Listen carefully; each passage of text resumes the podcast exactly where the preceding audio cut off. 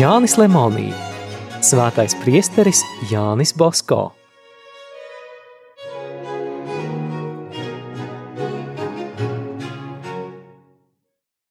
Piektās daļas ceturtā nodaļa. Divi slaveni ceļojumi uz Franciju. 1883. gads. Pabeidzis svētā apustuļa Jāņa baznīcas celtniecību, priesteris Bosko varēja vairāk rūpēties par visvētās Jēzus sirds baznīcas celtniecību. Viņš juta, ka spēka kļūst arvien mazāk. Tomēr mīlestība pret pāvestu modināja viņā jaunības enerģiju. Līdzekļu trūkuma dēļ Bosko atkal devās uz Franciju. Šoreiz viņš bija nodomājis, ja veselība atļaus ierasties arī Parīzē. 1883. gada 31. janvārī viņš izbrauca no Turīnas. Nu pat pirms dažām dienām viņš bija izdevis jaunu grāmatu Jēzus Kristus mūsu Dievs un Karalis. Tā tika iespiesta 200 tūkstošos eksemplāru. Ar šo grāmatu Bosko vēlējās aizšķērsot ceļu kādai antiklerikāla laikraksta bezdīvīgajai un svētzacīgajai propagandai. Viņš dažas dienas pavadīja Dženovā, Alasio, Sanremo, Bordigērā un Ventimiljā. Bordigērā viņam bija jāiet vienam naktī. Te vēlreiz viņam parādījās suns pelēcis, kas skrēja viņam pa priekšu un rādīja sausāku, līdzenāku ceļu. Jānis Bosko sekoja sunim līdz pat salezjāņu iestādēji. Tad tas atkal nozuda.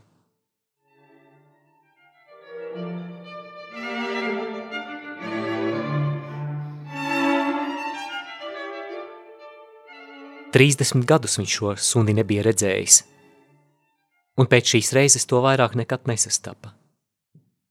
Ieradies Francijā, viņš apstājās Nicā, Kannās, Mentonā, Tulonā, Navarrā, Sensīrā un Marseļā.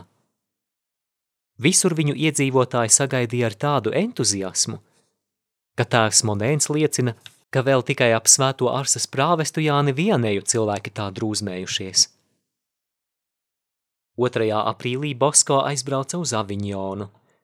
Kaut gan te viņu neviens nepazina, tomēr no paša rīta viņu jau ārā gaidīja liels pulks slimnieku, neredzīgo, paralizēto, viloņslimo, epileptiķu.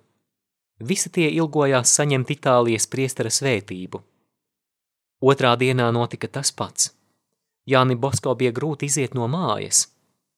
Kāds sacīja, paskatieties īsti cilvēku plūdi. Priesteris Bosko pazemīgi atteica, tādēļ, cik vien ātri iespējams, mums no šejienes jāpazūd.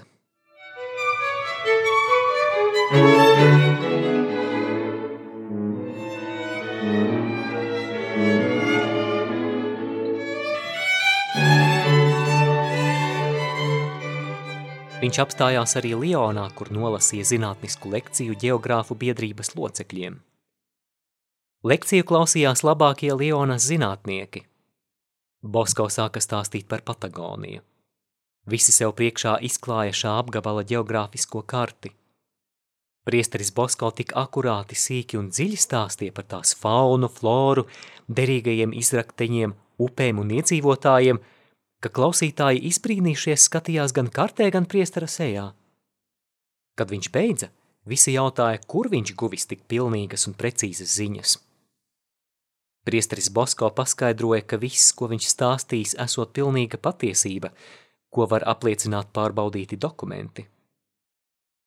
Varbūt viņš nevēlējās sacīt, ka Patagoniju viņš krustām šķērsām jau bija izstaigājis sapņos – 1886. gadā Lionas geogrāfu biedrība nolēma piešķirt Jānim Bosko ordeni.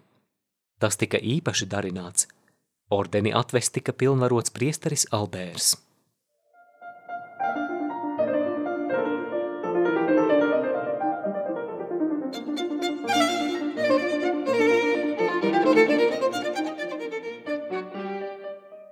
16. aprīlī priesteris Bosko no Lionas caur Mulēnu devās uz Parīzi un 18. aprīļa rītā iebrauca šajā lielajā pilsētā.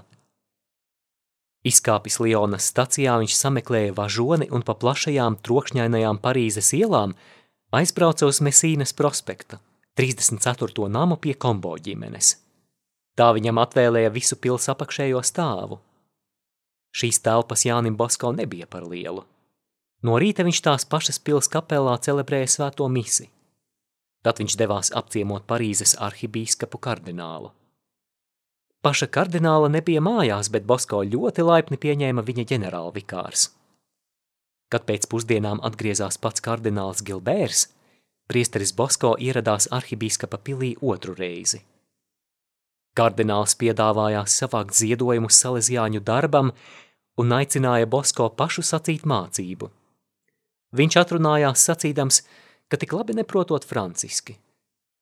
Nē, nē, sacīja kardināls, jūs runāsiet pats. Parīzē jums ticēs vairāk nekā jebkuram citam. Lai Dievs jums palīdz!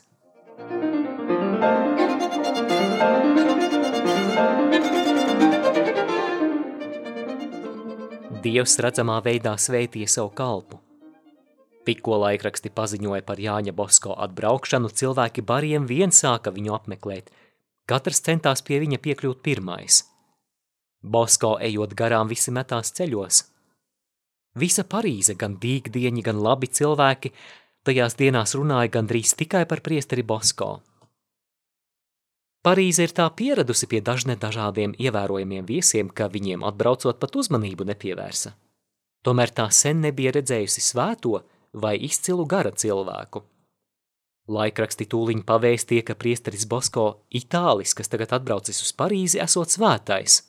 Liels svētais, kas dara brīnumus, viņš dibinājis kongregāciju, esot viens no tādiem cilvēkiem, kas baznīcas vēsturē tikai retumis parādās – Parīzē tas bija nedzirdēts jaunums.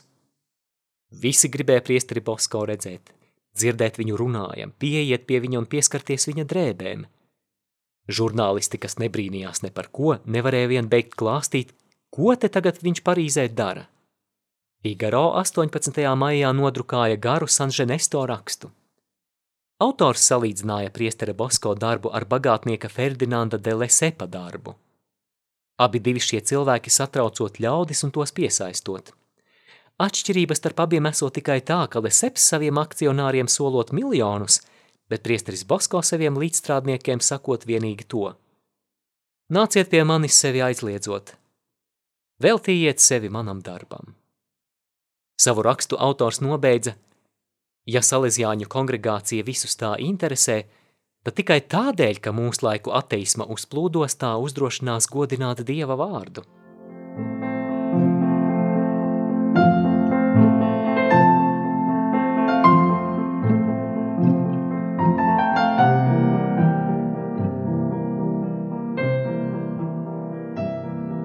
Priesterim Basko šīs dienas bija pļaujas laiks.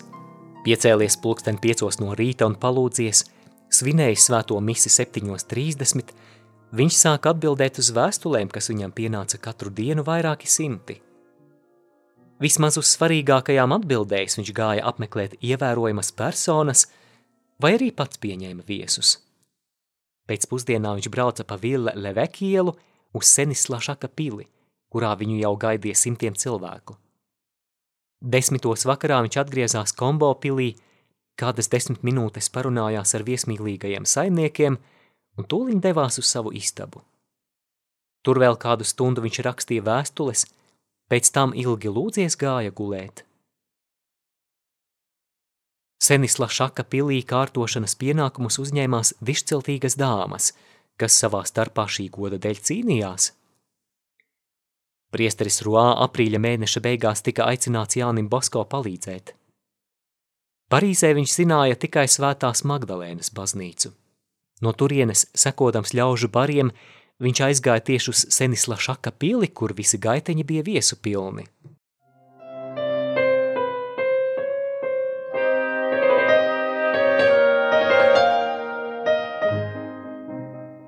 Tu nevari iedomāties, Ruā rakstīja uz oratoriju priesterim Lacēro, cik daudz vēstuļu pienāk priesterim Bosko.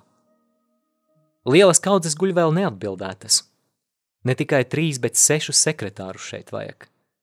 Labi, ka viens labs mūks mums nāk palīdzēt.